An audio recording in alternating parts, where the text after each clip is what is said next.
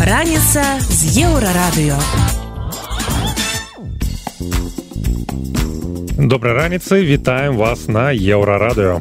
Пачынаем праграму раніца з еўрарадыё, штодзённае шоу пра важныя падзеі, якія ўплываюць на жыццё беларусаў. Галоўнае на гэты момант. Як ДНК экспертыза дапамагла пенчуку знайсці сына. Чаще всего, конечно, где-то так процентов 80 всех случаев это женщины, которые хотят установить отцовство конкретного мужчины. Школьнікаў будуць вучыць допыту амерыканскіх военнапалонных. Беларусі вельмі ўзрасла колькасць военно-патрыятычных класаў так званых. Толькі ў Менскай вобласці у 5 разоў больш іх стала. У якой краіне хочуць жыць беларусы і што рабіць з эміграцыяй. То тое, што робіцца ў выпадку нашай эміграцыі, Мне падаецца гэта можа быць нават жахлівей чым тое што рабіў рэжым у двадцатым годзе Таму что все ідзе да таго што беларус будзе дэпапулявана да? то бок там просто э, не будзе каму жыць падрабязнасці неўзабаве в ефірі програма спільного виробництва перед ФМ та європейського радіо для Білорусі.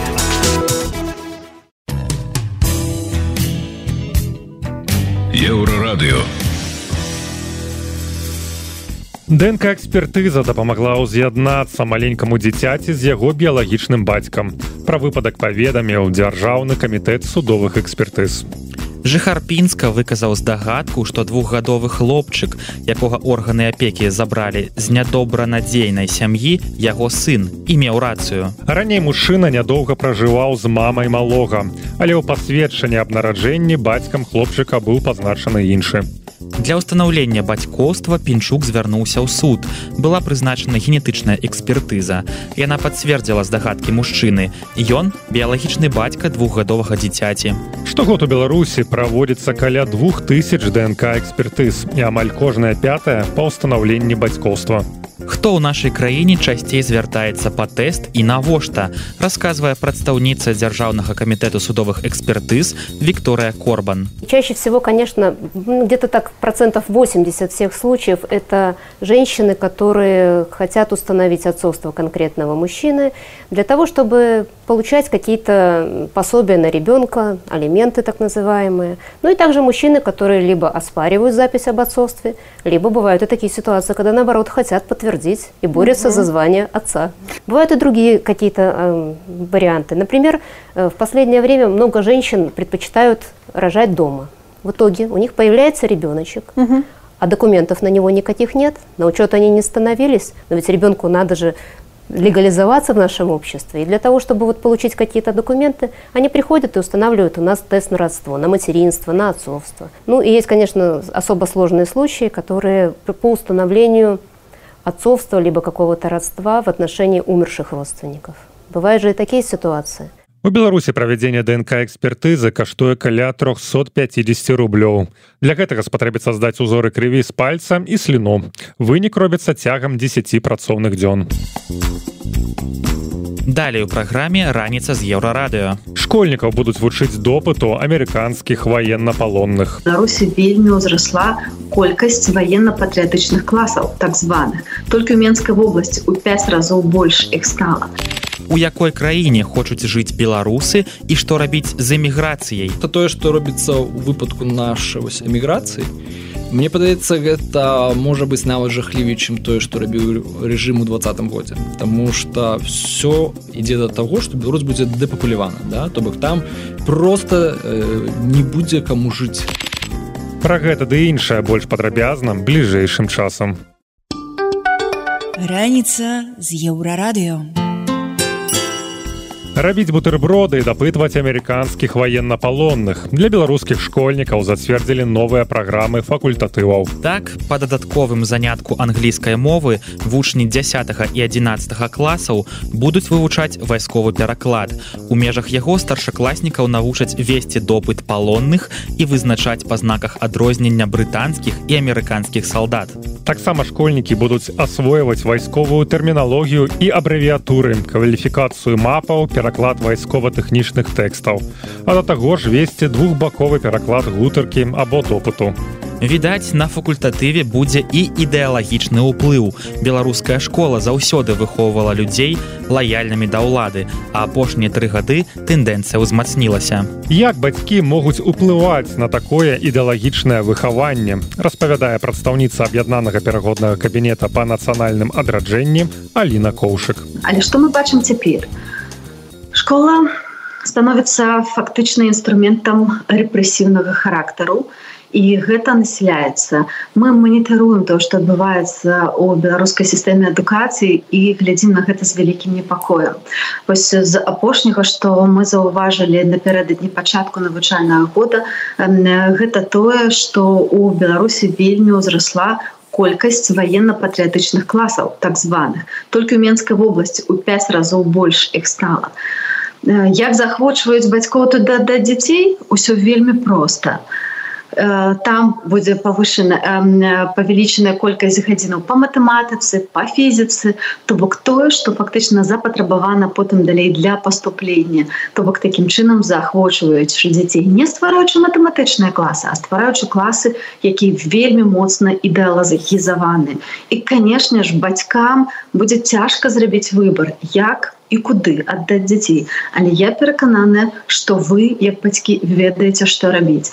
І на жаль зараз у нас засталося не так шмат настаўнікаў якія перадаюць сапраўдныя веды про тое что адбываецца нашим выдатным беларускім дзецям. Мы іх вельмі шануем вельмі ганарымся вашай працы і верым что у вы працягнеце гэтую працу. Але цяпер вялікая адказнасць кладзецца на нас на бацькоў.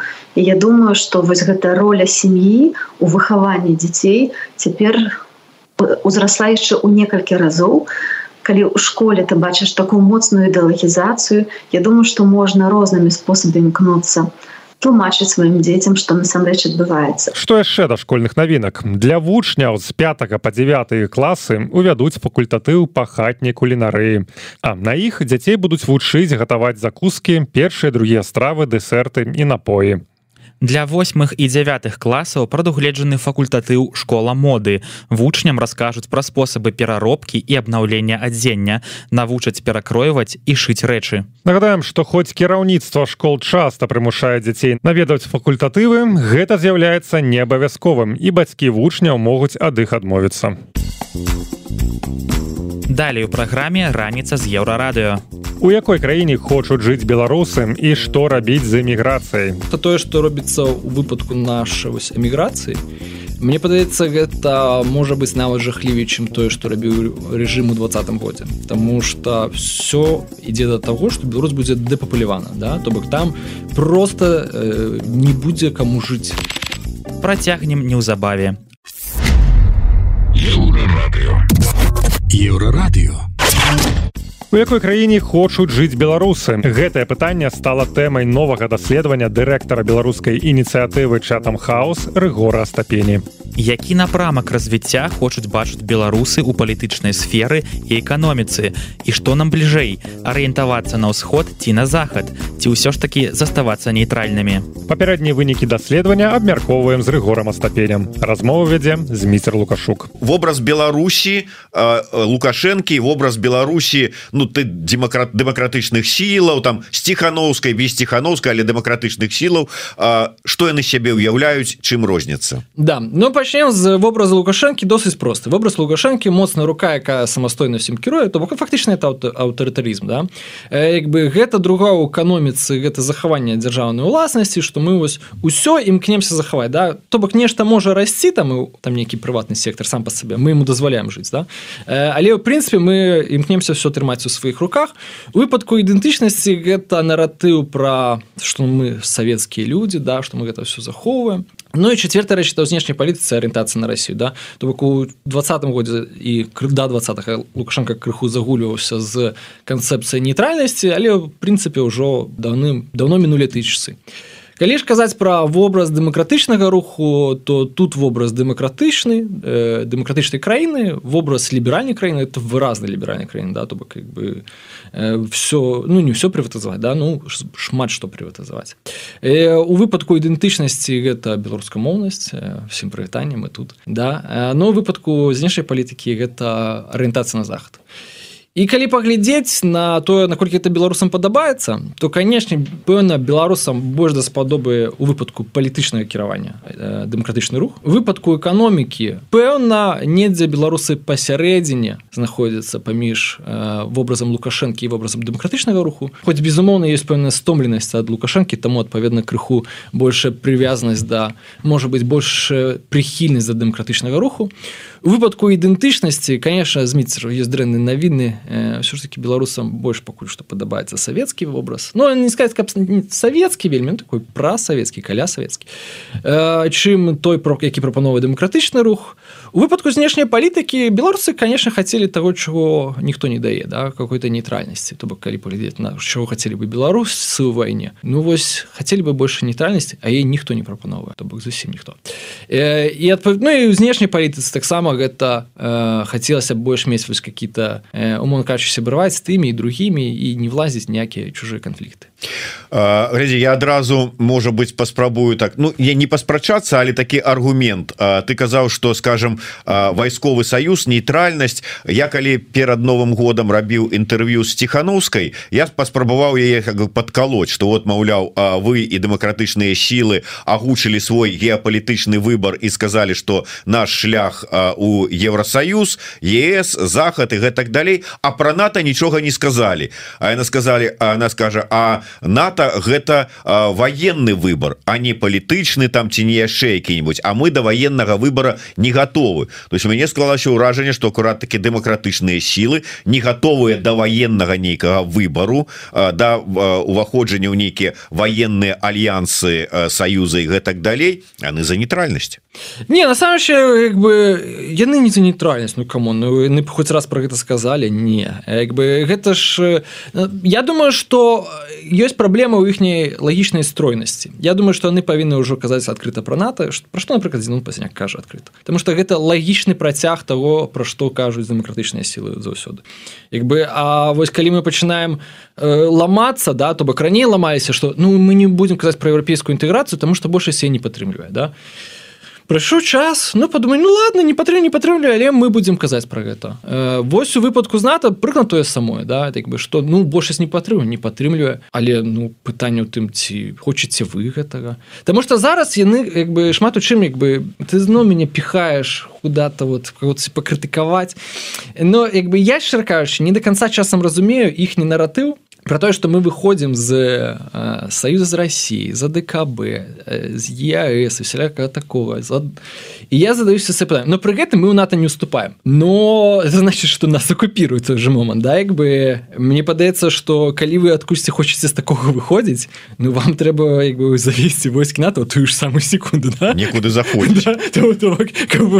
гэты момант адбыўся реально вось это бы той самый момант там мой як бы калі мы кажам вось у гэтай канцэпцыі бы дэмакратычнага руху ну нато выглядаць для мяне абсалютна лагічным. Як бы што яны туды прыйдуць. Яны пакуль што не прыходзяць тому что ну асцерагаюцца ну збіраюцца з духам. Ну, бы іх справа Я думаю что з цягам часу адбудзецца. Но пры гэтым наколькі яны нейтральныя мне падаецца што не не нейтральныя. Тым не менш я вярнуся яшчэ раз. Гэта як мне падаецца такі значная тэза. Калі ты у сваім дакладзе пішаш про вот гэтую вобраз Беларусі па лукашэнкаўскі вобраз Беларусі по дэмакратычнаму бачанню ты кажаш але большасці беларусаў не той ні другі вобраз не пасуе. Не тое что насамрэч большасць беларусаў хоча. Сапраўды так вось сапраўды бела большасці беларусам не падабаецца не тое не другое. На подставе чаго ты робіш такі высновы? У некаторых момантах яны просто з гэтым не згаджаюцца. Умоўно кажучы вось большасць беларусаў хацелі бы дэмакратычнасці хацелі бы дэмакратычнасці да?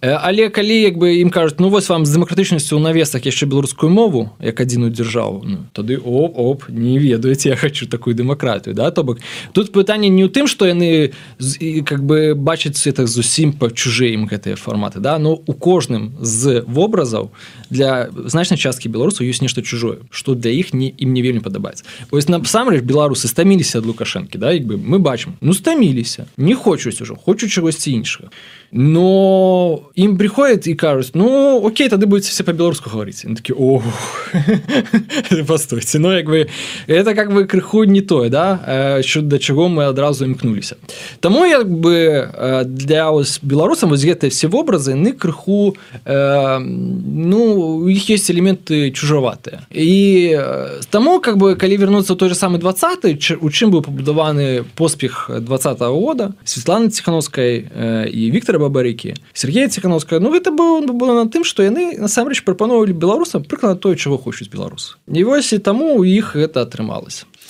Манро Джеймс пиша остапение не живет в Беларуси. Откуда он может знать что мы думаем о Беларуси о какой Беларуси? Все это просто болтовня в поисках пропитания в Лондоне остапения не дуры ты нам голову э, Ну я на самом деле живу в Варшаве как бы. Лондоне досыць дорого жить Я думаю что мы як мы я могу дарэчы цікавы момант я могу крыху больш падрабязна расказаць про што мы робім цяпер тому что мы робім цяпер не толькі пытанні мы цяпер робім таксама глыбінна інтэрв'ю.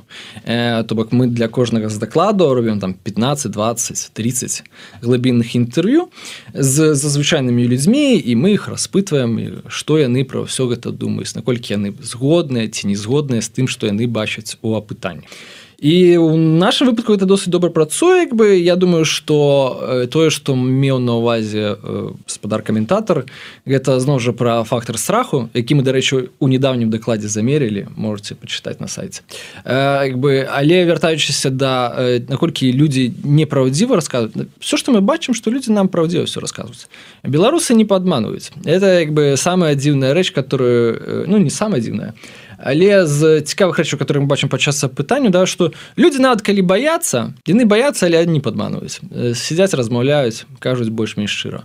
Ну і плюс люди не умеюць асабліва падмануць Ну вот глядзі той же самы глядач под ником Манро не згодны. Хто в современной Беларуси будет вам говорить откровенно о своем отношении к ДКБ ЕС НАТО о предпочтениях после террора тут? Остапение да. заканчивает трепаться. Да наконт ЕС дарэчы цікавы момант могу рассказать. Э, мы таксама калі пытаемся у людзей якія вы э, маеце там погляды свае да э, пра вось пра ес пра нейтральнасць то людзі кажуць что э, нават прыхільнікі лукашэн кажуць ну ведаць трэба адбудоўваць стасункі з ес і мы как бы перапытаем ну как бы это ж как бы теперь э, может быть не совсем легітимно как бы такое говорится ну кажуть ну слухайте это ж вырашае лукашенко мы ж да яго звяртаемся просім как бы як бы раней можна было значитчыць можна і будучыні таксама адбудаваць да то бок людзі успрымаць это абсолютно нормально то бок калі казаць про сенсітыўнае пытанне тому что возьмеце адКб ес про это спокойно кажу да? Про что менш спакойна кажуць гэта вайна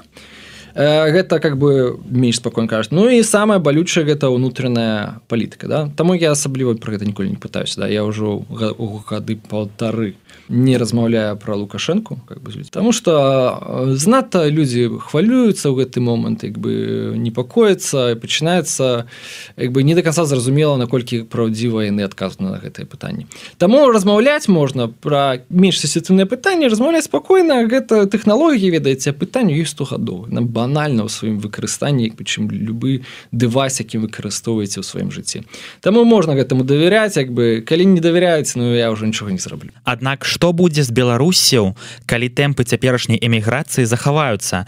На гэтае пытанне адказвае рыгор астапеня а да размовы далучаецца алесь аляхновович віцэ-прэзідэнт асацыяцыі беларускага бізнесу за мяжой і дарацца святланы ціхановскай па эканамічных рэформах. Я хацеў бы крыху тут пакрытыкаваць режим як бы таму что тое што робіцца ў выпадку наша вось эміграцыі Мне падаецца гэта можа быць нават жахлівей чым тое што рабіў рэжым у двадцатым годзе. Таму что все ідзе да таго што беларусь будзе дэпапулявана да то бок там просто э, не будзе каму жыць да як бы. І я часам гляджу і меня нават здзіўляе рэжым да то бок я я Окей я разумею абсалютную жорсткасць неадэкватнасць.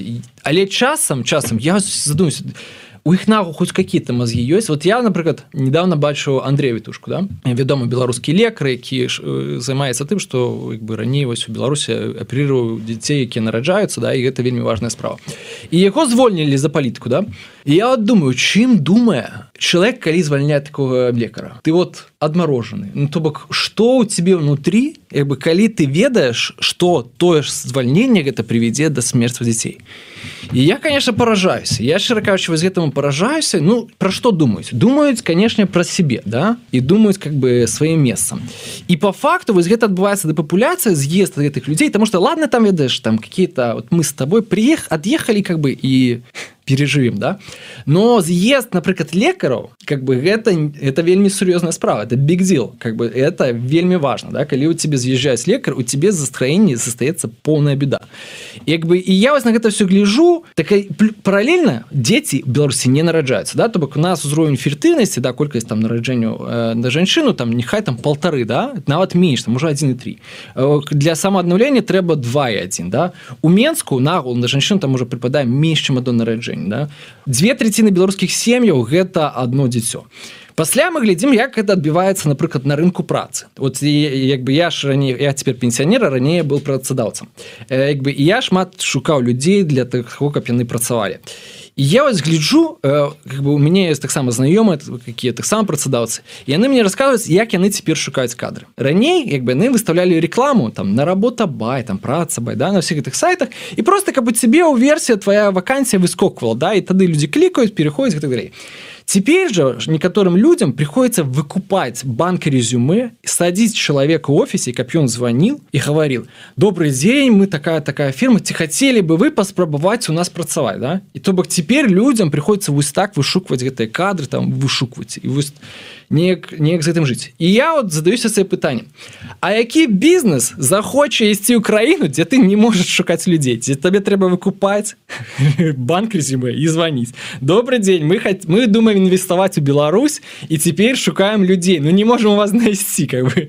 І я задаюся пытаннем Ну конечно ніхто туды інвеставаць не будзе то бок у дедавых людзей можа быть ёсць уяўленне про тое что вось мы цяпер э, у нас есть верны наш саюзнік мы проявілі лояльнасць і нас типа Россия закідае бабками но гэта абсолютная наіўнасць. Беларусь это прифронтовая зона. Ты не будуешь важное прадпрыемство у прифронтовой зоне. То бок такого не бывает. Быть что, что ты вар'ят ты разумеешь тут ракеты летают да? Адгані прадпрыемства на Урал хай там сабе працуе і таму ніхто інвеставаць не будзе Ну і тады я вас малюсь сабе чорную абсолютно картину. Нема людзей все з'ехалі мало нараджаюцца ніхто бабки інвеставаць не хоча про што хто што думае ну, давай может, еўра еўраінтэграцыя гэта страшно да да, да. А тут про інтэграцыю Ну а, давай калі мы уже закранули гэтую тэму і еўраінтэграцыі і інвестыцый і ўвогуле сітуацыі эканамічнай у Беларусі подключым нечаканага але таксама жаданага гостя до да нашага эфира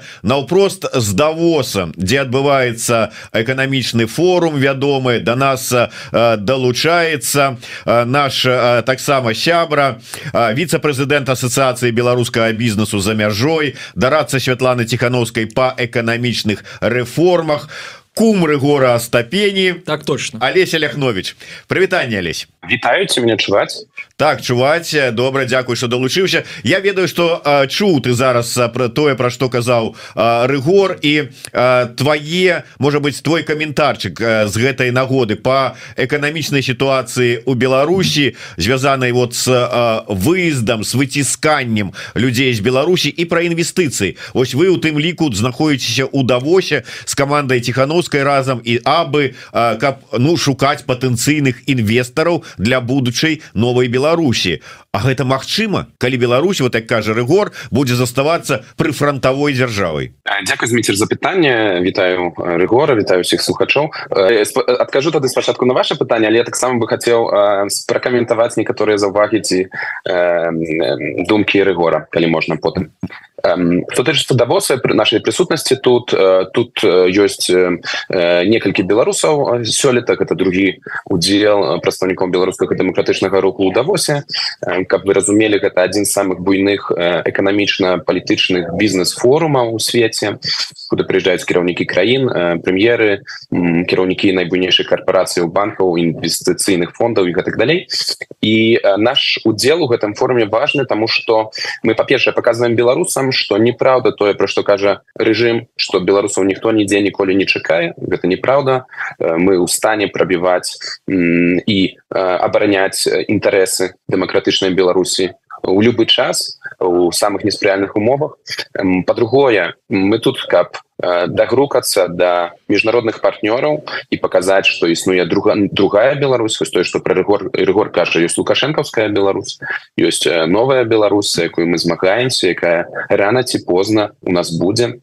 Таму гэта другі важны сігнал. Трэці гэта тое што мы наладжваем нарошчваем контакты з міжнароднымі партнёрамі. Кожны з таких візітаў гэта чарговая нейкі чарговая цаглінка у наш агульны капітал что і про Беларусь ведаюць что ёсць такая краіна что гэта не тэраінкогніта что гэта не новая Россия калісьці Беларусь называли white Russia на, на розных мовах что гэта адукаваныя люди якія валодаюць замежнымі мовамі якія маюць погляд на будучыню Беларусі якія ганарацца сваёй краінай якія ведаюць что рабіць пасля лукашэнкі.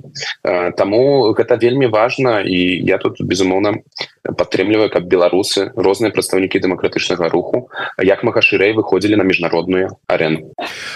Ну давай мы можа быть да, да то что адбываецца давоз звернемся пасля. А вось зараз ты хотел прокаментаваць некаторыя выказыванні рэгора якія гучалі цягам наша программы что хотел сказать? На что звярнуць увагу? По-добраму конечно было бы зручней калі б гэта быў нейкі двубой бо мы з рэгором вядзем завочную спрэчку по многіх з тых пытанняў ці адказаў і, і, і я бы мог пракаментаваць амаль што кожны кожнае выказванне одно ну одно з тых ці там некалькі з ключавых момантаў пачынаючы ад пачатку рэгор казаў что что ну беларусы не падтрымліваюць асабліва ўжо не падтрымліваюць вобраз беларусі лукашэнкі але таксама яшчэ не падтрымліваюць вобраз новай беларусі прадстаўлены дэмакратычнымі лідарамі Мне здаецца калі запытаць палякаў у 89 годзе яшчэ да змены рэжыму ў Польшчы то палякі таксама бы не выказваліся што яны хочуць дэмакратыі што яны хочуць рынкавай эканомікі гэтак далей. Хутчэй за ўсё яны бы выказваліся што яны хочуць каб мяса каштавала ніжэй каб э, праца працы было крыху менш больш адпачынку можа больш прыстойныя машины каб былі э, інфраструктура гэтак далей. Ну можа каб таксама і за мяжу можна было летом паехаць так асабліва побытавыя рэчы. Э, і так было насамрэч так але э, мысляры інтэлектуалісты польскія палітыкі польскія за пазіцыі адказныя потым якія прыйшлі да ўлады яны все 80-е гады рыхтаваліся до таго что будзе калісьці пасля пасля польскіх камуністаў так? Яны ведалі куды трэба ісці. Яны ведалі что трэба ісці на захад. Яны ведалі что трэба праводзіць эканамічныя рэформы что при сацыялізме Польша ніколі не будзе жыць. І дзякуючы гэтаму за апошнія 30 гадоў Польша перажыла свой залаты век калі калі цягам аднаго пакалення Польша наблізіла скараціла як бы цывілізацыйную эканамічную прорву паміж Польшчай і краінамі заходняй Еўропы якая заўсёды існавала. І сёння палякі найбольш багаты ў адносінах да заходняй Еўропы чым яны калі-небудзь былі чым яны былі 100 гадоў таму 500 гадоў тысячу гадоў таму. І гэта адбылося ўсяго цягам аднаго жыцця аднаго пакалення 30 гадоў. Таму э, не зусім трэба э, пытацца сёння у, у Беларусі дзе людзі таксама не баяцца выказваць і няма магчымасці дыскутаваць няма у дэмакратычных сіл няма магчымасці дагрукацца да ўсіх 10 мільёнаў суайчыннікаў. Але павінны быць адказныя людзі якія ведаюць куды трэба рухацца і павінны браць на сябе за гэта адказнасць. Гэта была размова з дырэктарам беларускай ініцыятывы чатам хаос рэгорам астапенем і дарадцам Святланы ціхановскай па эканамічных рэформах алесем аляхновічам. Яны распавялі пра тое якой беларусы бачаць сваю краіну для жыцця а таксама паразважалі пра хвалю эміграцыі і што з гэтага выйдзе. Далей у праграме раніца з еўрарадыо Інсультам найбольш хварэюць людзі працаздольнага ўзросту. Самое частое э, проявление инсульта, как правило, это э, нарушение речи, нарушение двигательной активности. Ашуканцы прыдумляюць новыя віды махлярства як не стаць ахвярай основной метод убережения себя от мошенников это ваше личное критическое мышление вам стоит понимать то что мошенник всегда заинтересован в получении с вас какой-либо выгоды про гэта больш падрабязна бліжэйшым часам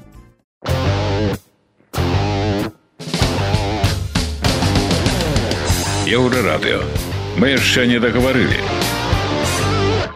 Каля трэці ўсіх выпадкаў інсульту прыпадае на людзей у працаздольным узросце. Про гэта паведаміла прафесарка беларускага дзяржаўнага медыцынскага універсітэта эмілія сідарович агульная колькасць інсультаў асабліва сярод людзей старэйшых за 65 гадоў зніжаецца.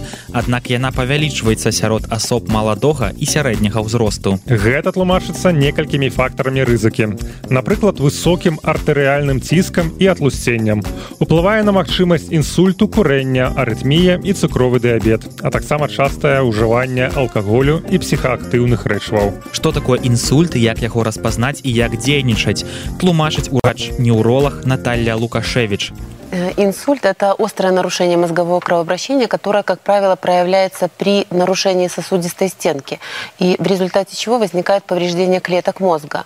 Э, часть клеток погибает в результате тромбоза, развивается ишемический инсульт. Э, также артерии могут повреждаться, разрываться, развивается кровоизлияние, либо геморрагический инсульт. И самое частое проявление инсульта, как правило, это нарушение речи, нарушение двигательной активности, что можно, в принципе, проверить э, при помощи фаст-теста э, в э, домашних условиях. Это мы можем попросить человека улыбнуться. И если мы увидим э, нарушение скала, э, это один из признаков инсульта. Признаков инсульта. Также, если мы попросим человека поднять две руки вверх под углом 90 градусов, рука будет опускаться, это тоже является один из, одним из признаков инсульта. И также нарушение речи. Мы можем попросить человека назвать свое фамилию, имя, отчество, и мы можем определить, назвал ли человек правильно по речевой функции, также по функции понимания. Если мы видим, что у человека случился инсульт, либо хотя бы мы предполагаем, мы должны, как правило, человека уложить под углом 30 э, градусов с приподнятым головным концом. И самое главное, это максимально быстро вызвать скорую помощь. Потому что временной фактор э, является, сам, э, является самым главным в последующем развитии симптомов и соответствующем лечении. Чем раньше обратился человек, тем больше возможностей для терапии. Інсульт да гэтага часу застаецца другой падзначнасці прычынай смерця ў свеце. Па статыстыцы 31 процент людзей, якія выжылі пасля ўдару, патрабуюць старонняй дапамогі. 20 процентаў не могуць самастойна перамяшчацца і толькі 8 могуць быць здольныя да ранейшай працы. Прыкметамі хуткага інсульту можа быць часовае анямення твару ці рукі, парушэнне маўлення і страта прытомнасці. Да таго ж варта сачыць за артэрыяльным ціскам і ўзроўнем халестырыну навіну. Далей у праграме раніца з еўрарадыё. Ашуканцы прыдумляюць новыя віды махлярства. Як не стаць ахвярай? Основной метод убережения себя от мошенников – это ваше личное критическое мышление. Вам стоит понимать то, что мошенник всегда заинтересован в получении с вас какой-либо выгоды. Падрабязнасці неўзабаве. Хутка, чутка і па-беларуску. У беларусі злачынцы прыдумляюць новыя віды махлярства праз якія спрабуюць займець грошы з банкаўскіх картак. Міліцыя папярэджвае што ашуканцы пачалі выкарыстоўваць штучны інтэлект. Яны ўзломваюць аккаунт і на базе старых галасавых паведамленняў ствараюць новыя з просьбай перавесці грошы. Пасля гэтае паведамленне рассылаюць кантактам і блізкім якія могуць не заўважыць падмену. Таксама падрабляюць фото банкаўскай карты і паказваюць на ёй імя ахвяры яшчэ адзін трук ашуканцаў прадстаўляцца супрацоўнікам мабільнага аператара і казаць што тэрмін дзеяння сім-карты заканчваецца. Такім чынам яны атрымліваюць доступ да асабістага кабінета і змяняюць пароль ад мабільнага банкінгу каб дабрацца да вашай банкаўскай карткі. Як яшчэ шуканцы спрабуюць падмануць людзей і як не стаць ахвярай тлумачыць супрацоўнік управлення па супрадзеянні кіберзлачыннасцю Пётр Гавинович. Ну, стоит понимать, о каком виде мошенника идет речь. Если же это телефонный мошенник, который вам позвонил. В первую очередь, когда вам поступил какой-то звонок от сотрудника банка, представителя каких-то силовых структур, стоит посмотреть, во-первых, где происходит звонок. Если это звонок в каком-либо из мессенджеров, например, Viber или WhatsApp, э, ну, здесь все очевидно. Ни представители силовых структур, ни представители банков никогда в жизни не будут использовать мессенджеры. Зачем? У нас есть мобильная связь, по которой можно спокойно позвонить. Э, поэтому стоит сразу просто намеренно прекратить э, диалог. Если же вызов поступает по мобильной сети, то не стоит забывать, что существует какой-то термин, как IP-телефония. Стоит четко сверить номер. Однако есть случаи, когда номер действительно совпадает с номером э, банка. Тогда стоит сказать, что извините, я занят, положить трубку и сказать, я вам перезвоню. После того, как вы попробуете перезвонить на этот номер, у вас вызов не пройдет. Вот. Если же уже так получилось, то, что э, не успели вовремя сообразить и Э, просят предоставить какие-то реквизиты, стоит понимать, никто никогда, ни один сотрудник банка, ни один сотрудник каких-то силовых структур правоохранительных органов не попросит вас предоставить ваши реквизиты по мобильной связи.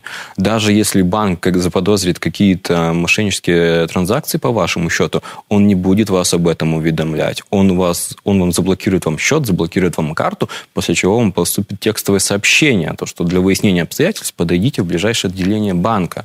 И не будет никто звонить и общаться на эту тему. И тем более просить предоставить какие-то данные. Поэтому, если уже дело дошло до того, что мошенник просит вас предоставить какие-то данные, стоит просто вот как, как триггер для себя это использовать, то, что меня просят предоставить данные, значит, надо заканчивать разговор. Все, на этом точка. Ну, мое личное мнение, то, что основной метод убережения себя от мошенников – это ваше личное критическое мышление.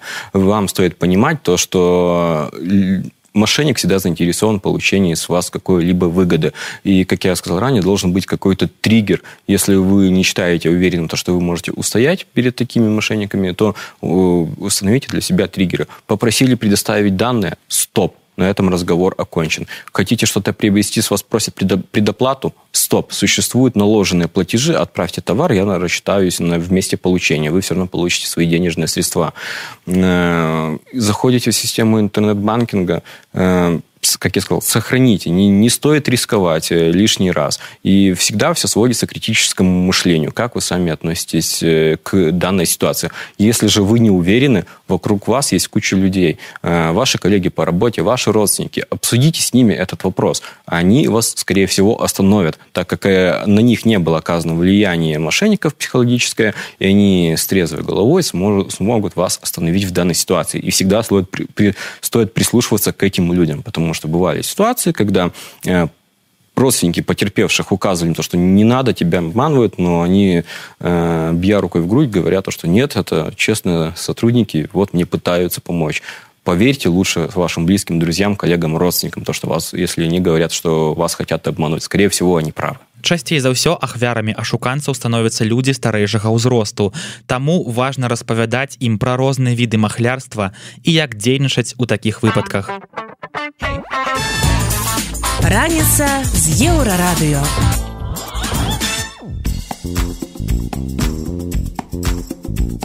Вяртаемся на еўрарадыё і працягваем ранішні эфір. Вы па-ранейшаму слухайце раніцу з еўрарадыё. Інфармацыйнае шоу пра важныя падзеі, якімі жывуць беларусы і іншы свет. І вось што цікавага мы распавядзем далей.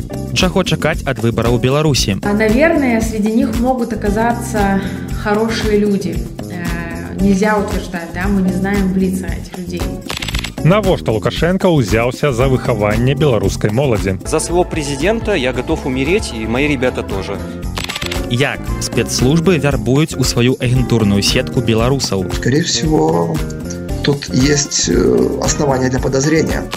Пра гэта ды іншае больш падрабязным цягам бліжэйшай гадзіны.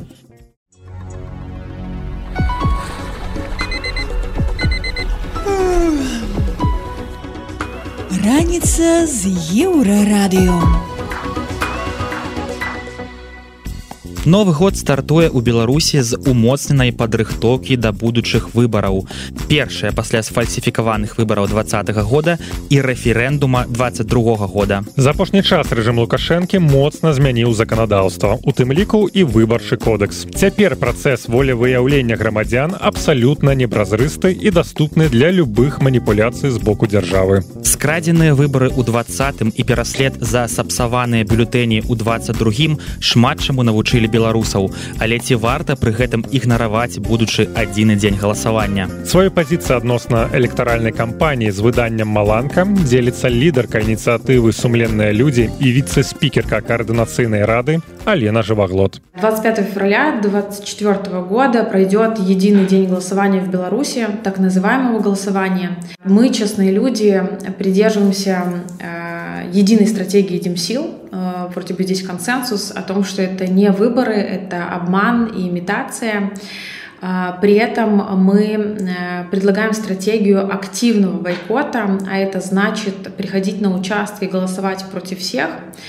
Если вы не можете себе позволить прийти на участки и проголосовать против всех по каким-то причинам, то как минимум вы можете поработать со своим окружением, э, пообщаться с ними э, на тему, со своими близкими, друзьями, на тему так называемых выборов, э, обсудить позиции, пояснить, почему вы считаете, что это не выборы, что это имитация выборов, зачем она нужна Лукашенко, пояснить, почему это на самом деле не депутаты, а назначенцы, почему в Беларуси нет 30 лет честных выборов. То есть э, мы говорим о том, что важно взаимодействовать со своим окружением, важно использовать э, этот единый день голосования как возможность э, побороться за ума и сердца белорусов, как возможность расширить круг единомышленников, круг людей, сторонников демократических перемен в Беларуси. Деполитизация белорусок и белорусов – это цель режима. Режиму интересно, чтобы все неправильные граждане, э, кто не согласен с режимом, сидели тихо, молча, их не было на участках, и не, их, а еще лучше их не было в стране. Мы как раз э, убеждены, что если как можно большее количество а, белорусов, белорусок будут в повестке, а, не будут а, отключаться от новостей и будут иметь возможность получать свой собственный политический опыт, придут на участки или как минимум вникнут в тему и разберутся сами, почему представители Демсил говорят, что это не выборы, а обман и имитация, а, тогда э, у нас в 2025 году или далее, 25 год это президентские выборы, будет а, больше возможностей для действий, больше пространства для вариативности действий. Ну и в целом, а, как минимум от 2020 года до сейчас э, стратегия Демсил, если так укрупненная мазками, это политизация граждан. Странно ее ее обрывать, ее не следовать. А, для чего нужны политизированные граждане? Для того, чтобы все мы могли, а, имели возможность сделать осознанный собственный выбор. Безусловно, мы понимаем, что а, режим будет фальсифицировать и нарисует такую явку, которая им нужна, хотя они уже изменили избирательный кодекс и нижний порог явки отменен. Тем не менее, э, важно, что мы не рассматриваем это мероприятие как выборы, и поэтому мы говорим об этом как о политическом шоу, а для нас, для представителей, для сторонников демократических перемен, это возможность а, получить политический опыт. А, неважно, как и что будет считать э, Лукашенко, если мы не согласны с происходящим в стране, если у нас, у вас есть желание высказать свое несогласие в таком безопасном формате, то э, вы можете приходить на участки и ставить против всех, увидеть своими глазами, что происходит на участках, разобраться с тем, кто эти спущенные сверху кандидаты в депутаты, а, получить свой собственный опыт. А, при этом осознавая, что 25 февраля это не переворотный день, а, это не э, ситуация, при которой, если мы придем все и поставим отметки против всех, мы победим. Нет, и мы, честные люди, тоже это понимаем. При этом говорим о том, что а, если у нас есть возможность повзаимодействовать со своим окружением, если у нас есть возможность а, высказать свое несогласие, и мы хотим этого, а, то стоит этой возможностью пользоваться. сёлетнія выбары як і ўсе мінулыя запомняцца сваёй безальтэрнатыўнасцю сярод дэпутатаў не будзе апозіцыянераў і няўзгодзеных з рэжымам людзей як не будзе і незалежных назіральнікаў прычым не толькі з беларусі але і прафесіяналаў з ліку абсе апошніх чарговы раз не запрасілі. Что гэта значыць і як гэта адаб'ецца на электаральнай кампаніі і прызнанне яе вынікаў працягвае алена жываглот. Важно наверное здесь отметить и то что единый день голосования это э, день когда пройдут выборы и в палату. Представителей в парламент э, белорусский так называемый парламент. Э, и это э, выборы э, так называемые выборы э, местных депутатов что касается палаты, то 110 человек. Посмотрим, сколько из них будет тех, кто уже был на депутатском сроке, повторок, так сказать. Среди местных это тысячи-тысячи людей. Наверное, среди них могут оказаться хорошие люди. Нельзя утверждать, да, мы не знаем в лица этих людей. Но я убеждена, что э, среди э, этих э, кандидатов в депутаты нет случайных людей, есть только те, кто согласованы режимом Лукашенко, согласованы КГБшниками, сторонники демократических перемен, едва ли могут попасть в кандидаты в депутаты, будь то в парламент, будь то на местном уровне. Беларусь отказалась принимать э, независимых наблюдателей от ОБСЕ. Э, как это можно трактовать? Э, в принципе, ничего удивительного.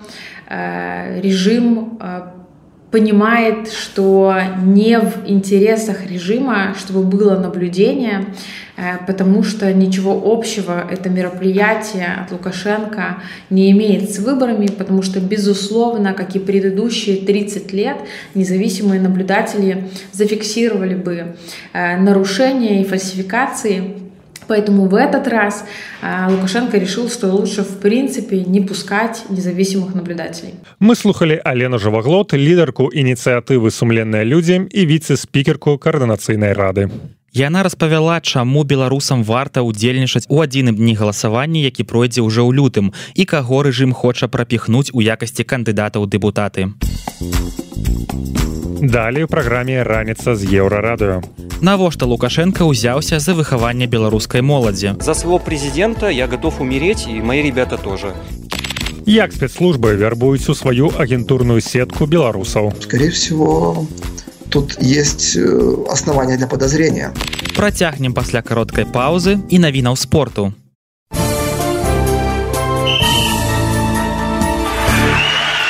На еўрарадыё навіны спорту. Міжнародная федэрацыя футбола прызнала найлепшым гульцом планеты нападаючага зборнай Аргенціны і інтэрмаямі Леанеля Месі. У яго кар'еры гэта трэці тытул. Найлепшай футбалісткай прызнаная Айтана Банмаці са зборнай Іспаніі і Барселоны. Сярод трэнераў узнагароды атрымалі Хасеп Гвартыёла і Сарына Вігман. Беларускі спецыяліст Александр Хацкевич стаў галоўным трэнерам польскай футбольнай каманды за гоем без сасноўца, аўтсайдера з другога дывізіёна. Кантракт дзейнічае да канца чэрвеня. Адначасова на пасаду спартыўнага дырэктара ў клуб прыйшоў Михаил Залеўскі, былы гендырэктар барысаўскага батэ. І Хацкевіч і Залеўскі падтрымліваюць свабодных спартсменаў Беларусі.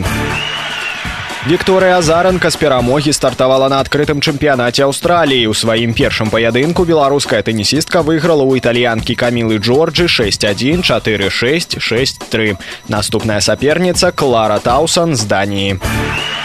Мінская дынама займае 11 место ў індэксе сілы КХл. Каманда паднялася ў абноўленым рэйтынгу на 5 пазіцый. Лідырае ў ім металург з магнітагорска. Беларускі брамнік Іван Мацкевіч пакінуў гандбольны клуб з Грэцыі АЕК. Бакі скасавалі пагадненне па ўзаемнай згодзе. Мацкевіч прызнаўся, што вярнуцца на радзіму яго абавязваюць сямейныя прычыны. Гэта былі навіны спорту, заставайцеся на еўрарадыё.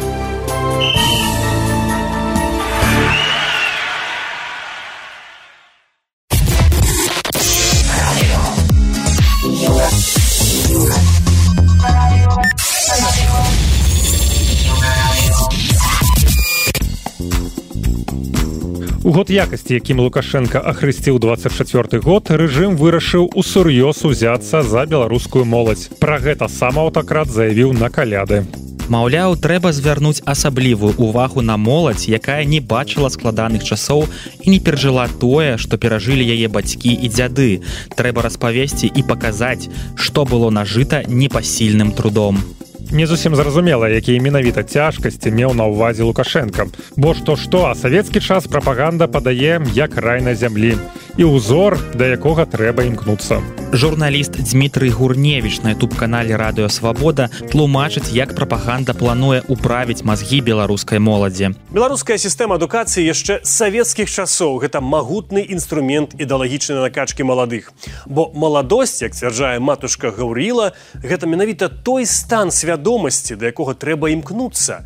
Гэта той час, калі чалавека можна выхаваць так, як трэба. На каляды ігуменне прапанавала звяртацца да сілавікоў, яны маўляў, паклапоціцца пра вяртанне ў той стан. Каждый бегун, который забегал, забежал от нас, то лучше ты вернись, пускай тебя с тобой поработают товарищи из милиции, честные, порядочные, тебя к порядку приведут. И ты опять станешь тем, кем ты, может быть, был – когда ты был маленьким, когда ты в школу ходил, работал в институте, там где-то еще. Для того, каб маладыя беларусы у будучыні не задавалі шмат пытанняў і любілі радзіму такой, якая яна ёсць, за іх ужо моцна узяліся. Пакуль яны маленькія. За гэта, напрыклад, сочыць беларуская рэспубліканская піянерская арганізацыя. Яе структуры ёсць у кожным раёне Беларусі. Пасля 2020 году беларусі пачалі актыўна ствараць ваенна-патрыятычныя клубы. Там маладых беларусаў вучаць рукапашнаму бою карыстацца зброяй, адданасці краіне і гатоўнасці бараніць яе са зброі ў руках. Гэты працэс асабіста курыруе былы кіраўнік губазіку Миколай Карпянкоў. Пра мэту ён кажа проста і сціпла. Мы являемся тем образцом и тем светлым будущим, к которому нужно стремиться. Але масавай цікаўнасці да школаў Карпянкова няма гэтыя клубы наведваю ўсяго пару тысяч маленькіх беларусаў. Таму выхоўваць так, як лічыць правільным улада, імкнуцца па самых розных напрамках. Да лета міністэрства ўнутраных справаў мінабароны і генпракуратура плануюць паправіць закон аб правах дзіцяці. Чыноўнікі хочуць абараняць дзяцей d'inфармацыі, якая можа нанесці ім шкоду. Пра што канкрэтна гаворка? Абараняць хочуць ад некаторых відаў цацак створаных па матэрыялах камп'ютарных гульняў кніг фільмаў на якія установленае ўзроставае абмежаванне ад размяшчэння ў інтэрнэце здольных нанесці шкоду іх фізічнаму і псіхічнаму здароўю. Змяшалі ў законе ўсё разам. Так званыя нетрадыцыйныя сексуальныя адносіны і змену полы якая ў беларусі не забароненая разам з педафіліяй і дадалі яшчэ іншыя дэструктыўныя ідэі А калі ў кагосьці ёсць сумневы, што гэта, то у моладзевым ток-шоу на СТВ вам усё патлумачаць. Мы понимаем, что против нас ЛГБТшники, оппозиционеры, наши змагары, конечно же. А это и... одно и то же. Я ставлю факту, знак да, равно. Синонимы. И, и самая интересная статистика. Каждый второй задержанный сотрудниками ГУБОП приверженец радужных інтэресаў малады чалавек на пачатку гэтага відэа мікіта рачылоўскі. Ён старшыня так званага моладзяга парламента і руху наперад. Таксама мікіта ўдзельнічае ў парламенцкім сходзе беларусі рассіі дзе ўваходзіць у моладзевую палату па пытаннях турызму і экалогіі. Чым яны займаюцца не разумее нават азаронак те, кто пытаются нашу молодежь зомбировать, вот эти все змагары, вот это вот нечистя, ну они же говорят, ну совок, ну скучно, ну молодежи нужен лакшери, кайф, чил, движ, э, зыба там, еще что-то такое, вот клубы и так далее. А вот как вы привлекаете? Чем? А мы привлекаем своими проектами и тем доверием, которое у нас есть. У нас есть доверие Натальи Ивановны Качановой. Калі нехта думае, што мы абрэзалі цытату на самым цікавым, Не. Ніякага канкрэтнага праекту, апрача наведвання будынку парламента рачылоўскі не назваў. І такіх установаў з гучнымі назвамі цяпер шмат. Праўда, нават самыя іх удзельнікі прызнаюць, што праблема гэтых ініцыятываў фармалізм і паказуха. Дзяцей тых беларусаў, хто не эміграваў, дзяржава захвочвае наведваць ваенізаваныя лагеры, а таксама ідэалагічныя структуры кшталту БРСМ, штаба патрыятычных сілаў і гэтак далей. І нельга сказаць, што ўдзельнікі гэтых арганізацый жадаюць беларусі кепскага лёсу. Але прапанаваныя імі метады вырашэння сацыяльных праблемаў вызываюць у людзей моцныя эмоцыі.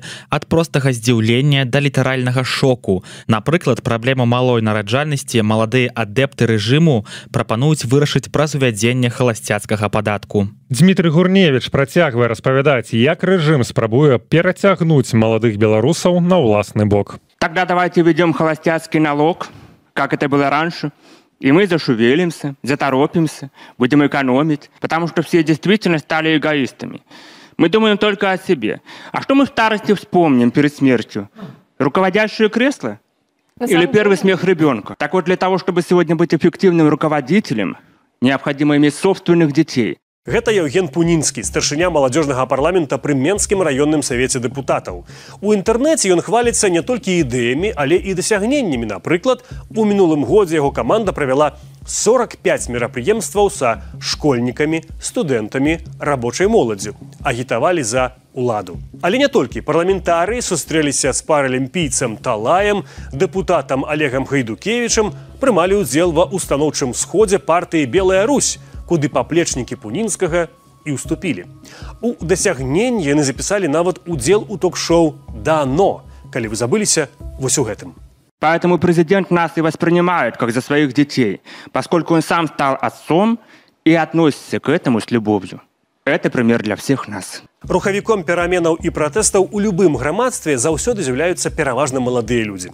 Пасля два -го году ўжо больш за 200 тысяч грамадзян Беларусі сталі паўналетнімі. Не дзіўна, што ўлада хоча выгадаваць цалкам лаяльнае пакаленне. Гэтым ужо два десяткі год нібыта займаецца БРСМ. Цяпер, каб пераконваць беларускую моладзь у тым, што дамагацца свабоды гэта кепска, лідар гэтай арганізацыі Александр Лук'янаў паехаў у разбураны расейцамі і акупаваны іміж украінскі Марыюполь. Находясь на этих улицах, очень четко ощущаешь, что могло произойти в 2020 году, как это было в Украине с Майданом в случае бесхребетного руководителя и непонятного идеологического направления страны. На зразумелы лук'янаву ідэалагічны напрамак і заробак грошы ідуць з кішэні ўсіх беларусаў.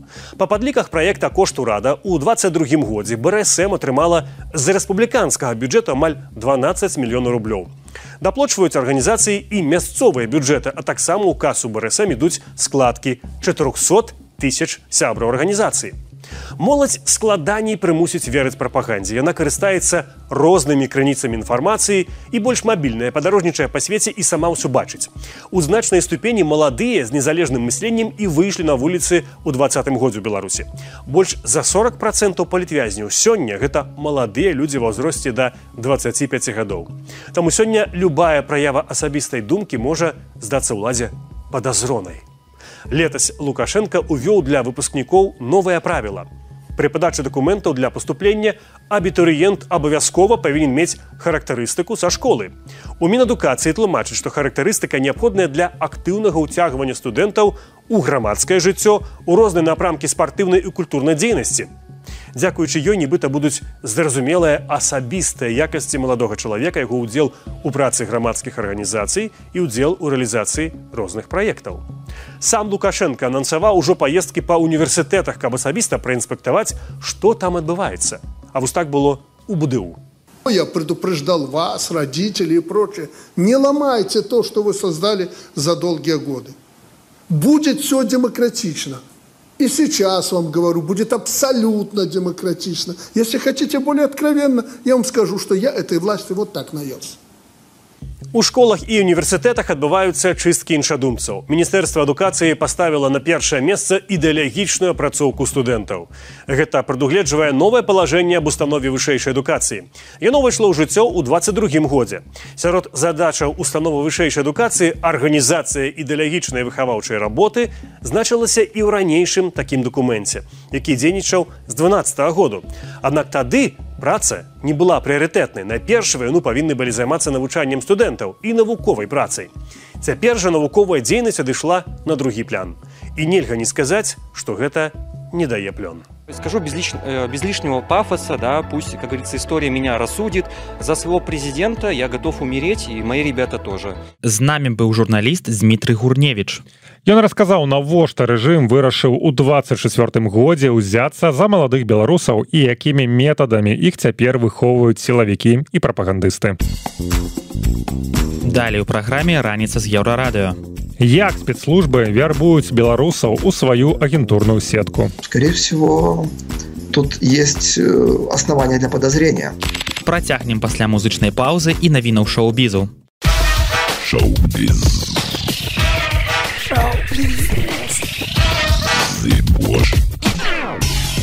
Навіны шоу-бізу на еўрарадыё. Беларускі пісьменнік Саша Філіпенко стаў лаўрэатам прэстыжнай французскай літаратурнай прэміі, заснаванай часопісам Трансфьюж. Яго кніга крэмулятар перамагла ў намінацыі найлепшы еўрапейскі раман 2023 года.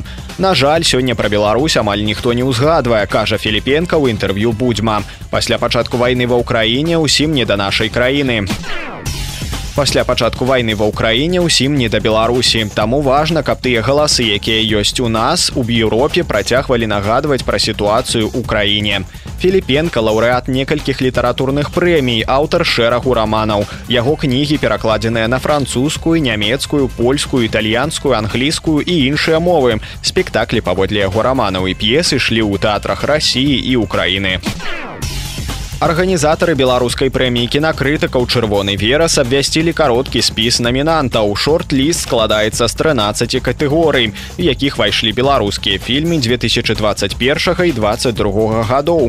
Усяго было ацэнена 70 работ, у тым ліку мастацкія дакументальныя анімацыйныя стужкі. Сярод намінантаў у катэгорыі найлепшы ігравы паўнаметражны фільм прадстаўлены экіц флік ды стужка спаткання ў мінску мікіты лаўрэцкага, а таксама лета 1980 79 рэжысёра Владимира Козлова.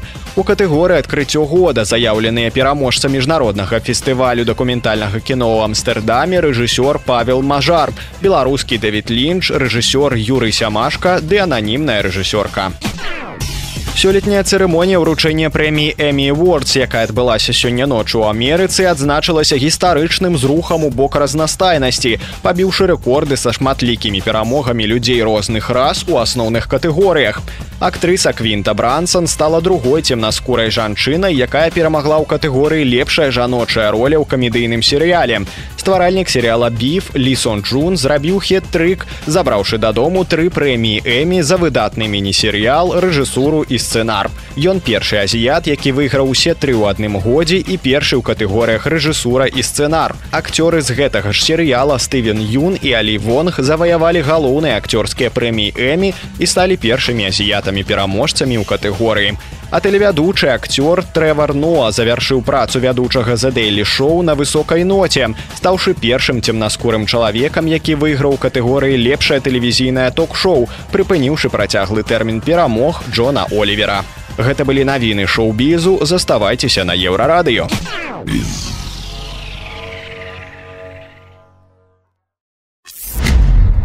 Еўрарадыё. Еўрарадыё.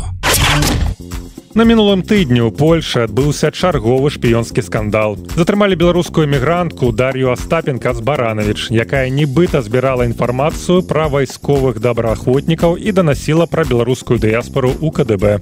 Пра супрацу дзяўчына сама прагаварылася падчас сустрэчы са знаёмымі.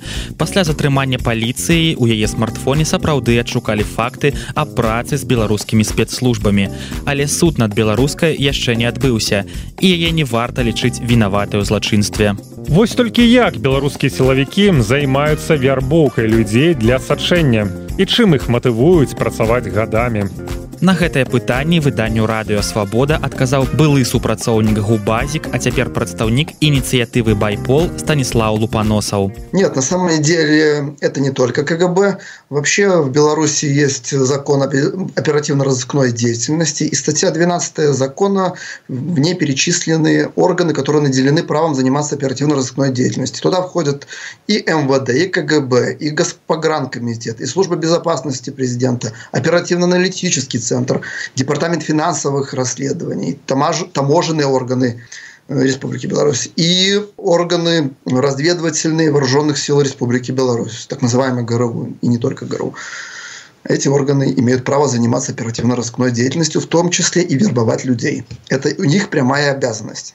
А якім чынам гэта адбываецца ну калі вам вядома патлумачце гэта вот уласна супрацоўнікі структураў якія вы пералічылі укараняюцца ў дэмакратычныя сілы ці гэта людзі якіх пэўным чынам змусілі гэта рабіць а гэта такое валянтэрства ці за гэта заробак атрымліваюць Ну, тут надо на две категории э, различить людей. Есть, есть профессиональные люди, агенты, которые занимаются, оперативные сотрудники, которые занимаются именно внедрением, оперативным внедрением. Их обучают на профессиональной основе. Это люди со званиями, это люди с большой подготовкой. Такие люди есть в структурах вооруженных сил в Министерстве обороны, есть в КГБ, есть в МВД, в Госпогранкомитете, в Службе безопасности президента. Это профессиональные сотрудники. Их немного, это штучные люди. Но, как правило, таких людей не посылают в данном случае. Я так думаю, у меня такая информация. А внедряют именно людей, которых примусили каким-то э, образом сотрудничать. Это люди идейные, их меньшинство. Людей на компромате, это большинство таких людей будет, это которые совершили преступление.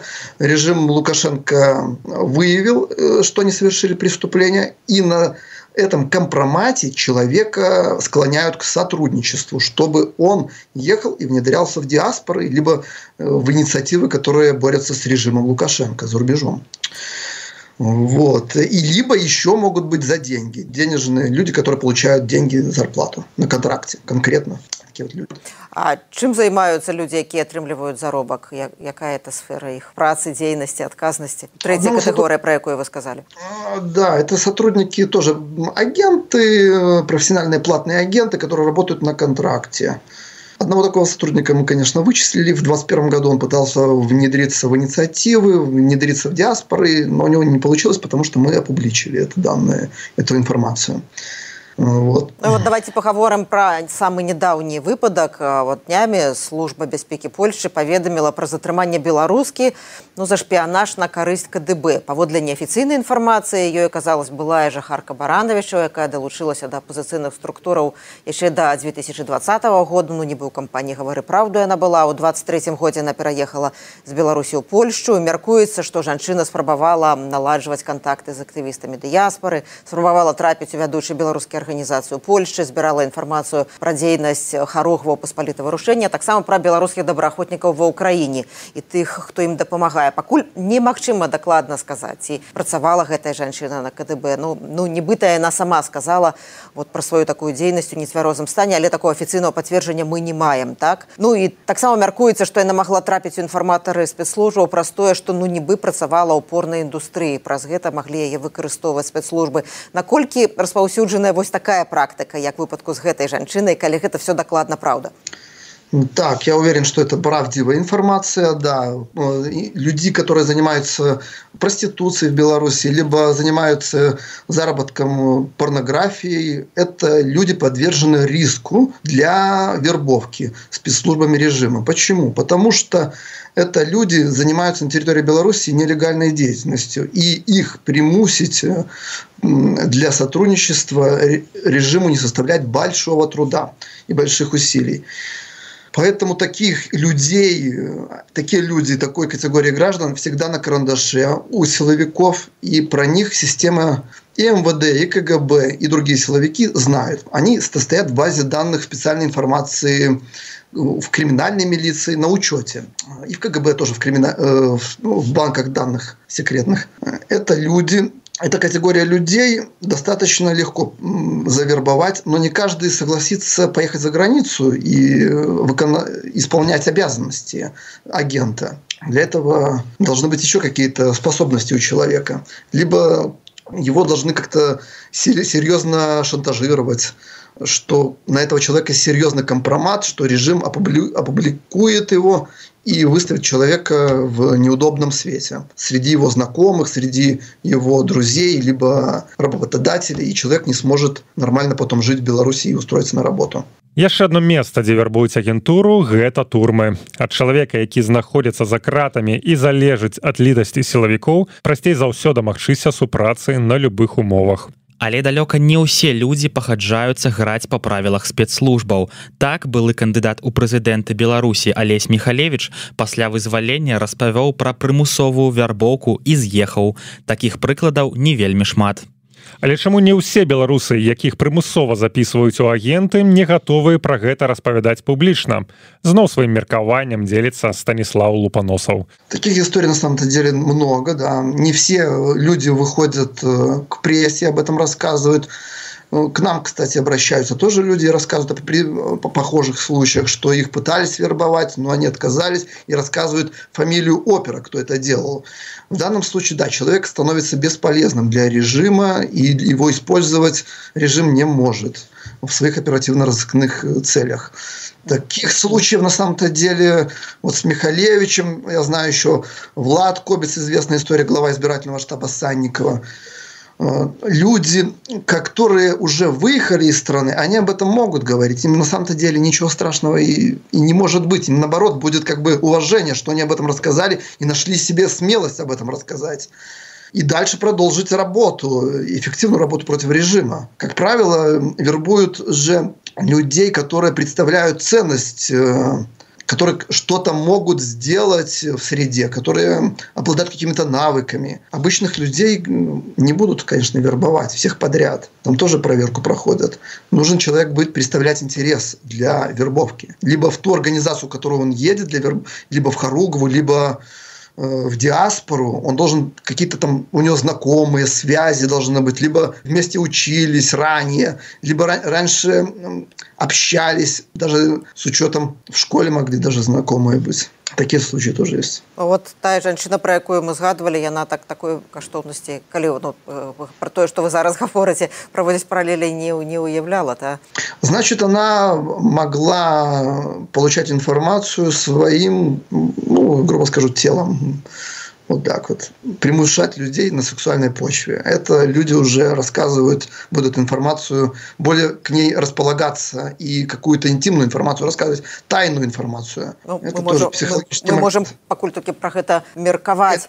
Есть, да. Да, есть, есть еще такая ситуация, ну, напевно, вам доводилось, вашим э, коллегам по организации доводилось чуть обвиновачение, что про магчимую супрацу со спецслужбами на адрес былых силовиков, былых державных службовцев, которые звольнились после 2020 году даказаць супрацу са спецслужбамі ну вельмі цяжка практычна немагчыма абвінаваціць ёй вельмі лёгка так як вы глядзіце вот на гэтую сітуацыю вельмі складаную делікатную які тут мае быць падыход ну, першае за все это про себя меньше всего рассказывать чтобы агент не зацепился ни за какую информацию лучше рассказывать на общие темы разговаривать с незнакомыми людьми про общую про свою особистую информацию где живешь с кем общаешься с кем дружишь и где работаешь не рассказывать если ты не публичный публичный человек. А если публичный человек, должен показывать, во-первых, именно делом и цели, которые положены в основу организации, они должны перетворяться в какие-то дела. А если это организация, либо человек декларирует, что он это делает, но нет доказательства этой работы, значит, надо присмотреться к этому человеку более внимательно. Скорее всего, тут есть э, основания для подозрения. Гэта быў Станіслав Лупаносаў, прадстаўнік ініцыятывы байпол. Эксперт распавёў, як беларускія спецслужбы прымушаюць беларусаў супрацоўнічаць з імі і чаму людзі, нават з'ехаўшы за мяжу, працягваюць агентурную працу на рэжым.